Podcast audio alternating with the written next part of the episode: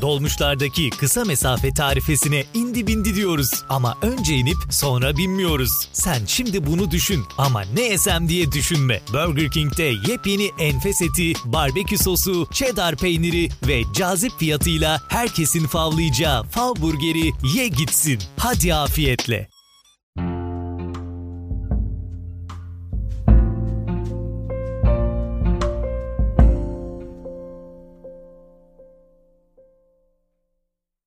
Merhabalar. Bir nevi biyografinin yeni bölümünde sizlerleyiz.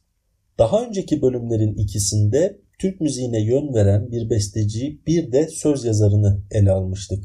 Onlu Tunç ve Aysel Gürel. Türk müziğinin fenomeni haline gelen 90'lar döneminin müsebbiplerini incelemeye bu bölümde de devam edeceğim. Sık sık duyduğumuz artık 90'lı yıllardaki kaliteli pop müzik yapılmıyor serzenişini kaybettiğimiz söz yazarı Aysel Gürel'i anarak besteci ve aranjör Onno Tunç'u anarak desteklemeye çalıştık. Peki nasıl olur da koca bir dönemin müzik ruhunu birkaç besteci ve söz yazarı oluşturur? Nasıl olur da bu insanları tek tek kaybetmemize paralel olarak pop müziği de inişe geçer? Gerçekten o dönemki kalitenin arkasında bu birkaç sihirli el mi vardı? Sorularını sorup bir takım çıkarımların peşine düştük. Bu figürleri kaybetmeye başlamamızdan sonraki süreçte müzik sektörünün durumuna göz attığımızda oluşan değişimi daha net anlıyoruz aslında. Söz konusu figürlerin ölümüyle birlikte Türk pop müziğinin de öldüğünü söylemiyoruz elbette. Söyleyemeyiz de. Zira sektörde hala nitelikli üreticilerin varlığını görüyoruz. Değişen koşullara, oluşan rekabete rağmen son derece iyi işler yapılıyor. Bu konuda ahkam kesecek otoritede değiliz. Değilim en azından. Bir dinleyici olarak naçizane birkaç kelamda bulunmak amacım. Türk müzik tarihinin en üretken yıllarından olan 90'ların filizlenmesi tamamen bu figürlerin çabasıyla olmasa bile tohumlarının bu yetenekler tarafından atıldığını rahatlıkla söyleyebiliriz.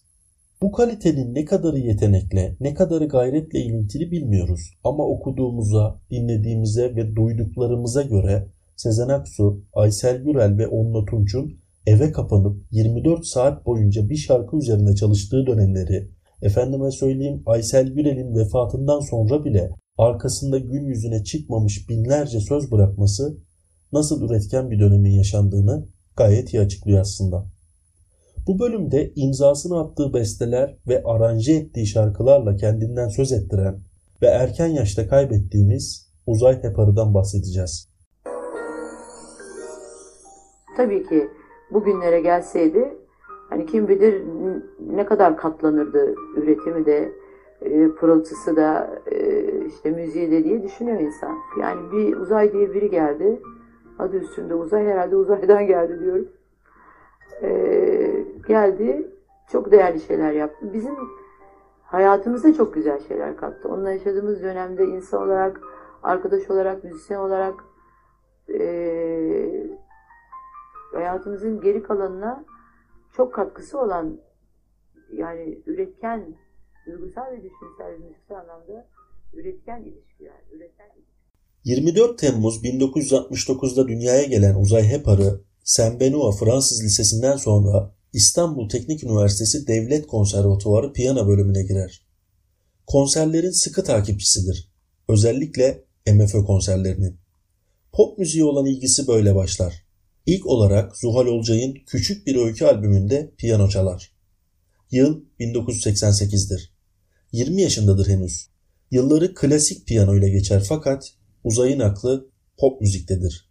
1990 Eurovision Türkiye elemelerinde orkestrada klavye çalan Hepar'ı yaratılan besteleri çalmanın yanında kendi bestelerini de yaratmanın peşindedir. Bu kararı Uzay Heparı'yı İstanbul Gelişim Orkestrası'nın beyinlerinden olan Garamafyan'la sıkı bir çalışmaya yönlendirir. Ve ilk besteler gelir. Başka bir ustayla.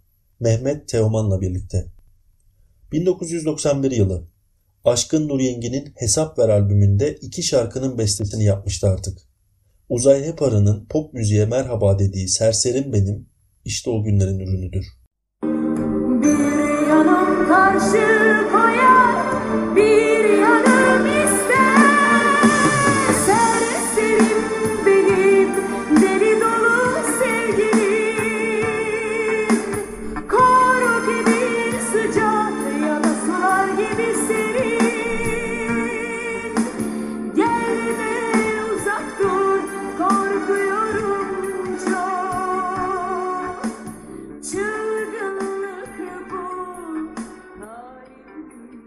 Sezen Aksu'nun 1993'te çıkardığı Deli Kızın Türküsü albümünde çalışır. Pek çok Sezen Aksu konserinde, sahnede, klavyede Uzay Heparı vardır artık. Aynı yıl bomba gibi bir albüm düşer piyasaya. Levent Yüksel'in Medcezir albümü. Türk müziğinin efsane albümlerinden Medcezir'in düzenlemeleri Heparı'ya aittir. Tıpkı Sertab Erener'in unutulmayan albümü Lal'de olduğu gibi. Kısacık hayatında o kadar çok başarıya imza attı ki bugün hala dinlediğimiz birçok şarkıda onun imzasına rastlarız. 91'de Akrep Nalan'ın Dağ Çiçeği albümünde piyano çaldı. Aynı yıl Erol Evgin'in Erol Evgin'le Yeniden albümünde iki Sezen Aksu şarkısının aranjmanını yaptı. 92'de Sertab Erener'in ilk albümü Sakin Ol'daki çoğu şarkının düzenlemesini o yaptı. Albümdeki 3 şarkıyı Sezen Aksu ile beraber yazdı. 1994 yılında vizyona giren Atıf Yılmaz'ın yönettiği Gece, Melek ve Bizim Çocuklar filminin başrolünde oynadı. 94 yılında Nüket Duru'nun kendi adını taşıyan albümüne düzenlemeler yaptı. Aynı yıl Demet Sağaroğlu'nun ilk albümü Kınalı Bebek'i düzenledi. O yıllarda ölümünden kısa bir süre önce bir röportajında şu sözleri söyleyecektir. Genel bir sorumsuzluğum var hayata karşı. Tek sorumluluğum piyano, müzik. Ne yapacağımı bilmemek özgürlüğü yaşatıyor bana. Yaşlılığı çok düşünüyorum ben. Yaşlandığım zaman bu heyecanları yine taşıyacak mıyım içinde diyorum. Atilla İlhan'ın bir lafı vardır ya, aslında idam mahkumlarıdır yaşlılar diye. Bu yüzden her şeyi yaşamak istiyorum. Salon serserisi. Hem çok centilmen hem çok elegan hem çok zarif. Hem çok iyi hem tutkulu. Ee, son şövalyeler yani. Gözyaşları aslında e, annem der ki e, hem içini boşalt. Hayata karşı çok büyük enerjisi olduğunu söyler hep arı. Yakın çevresinin hafızalarında da yer etmiştir bu enerji. Sanatıyla, besteleriyle olduğu kadar aşklarıyla da konuşuldu. Müzisyen ve besteci Heparı 92 yılında Sezen Aksu ile sevgiliydi. Aynı yıl Sezen Aksu'nun vokalistliğini yapan Yıldız Tilbe, Uzay Heparı ile birlikte olmuş ve bunu itiraf etmişti. Basın bu olayın üstünde çok durmasa da bu olay iki starın Sezen Aksu ve Yıldız Tilbe'nin 25 yıl küs kalmasının nedeni olacaktı. 93 yılında modacı Zeynep Tunuslu ile evlendi. Uzay Hepar'ı eşi 2 aylık hamileyken 20 Mayıs 1994 tarihinde Etiler Koç Köprüsü'nde geçirdiği motosiklet kazası sonucu 11 günlük yoğun bakımın ardından hayatını kaybetti. 25 yıllık hayatına çok şey sığdırmıştı. Onlarca beste, dostluklar ve mutluluk. Çok değil, birkaç ay önce şu sözleri yankılanmıştı röportajında.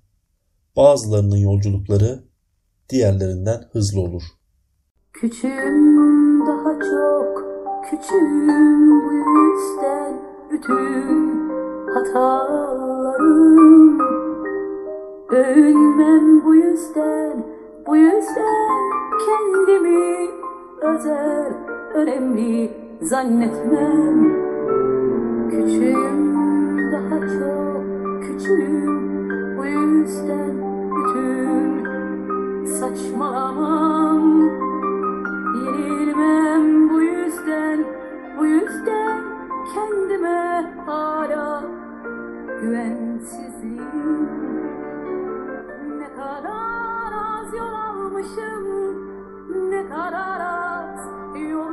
başındaymış.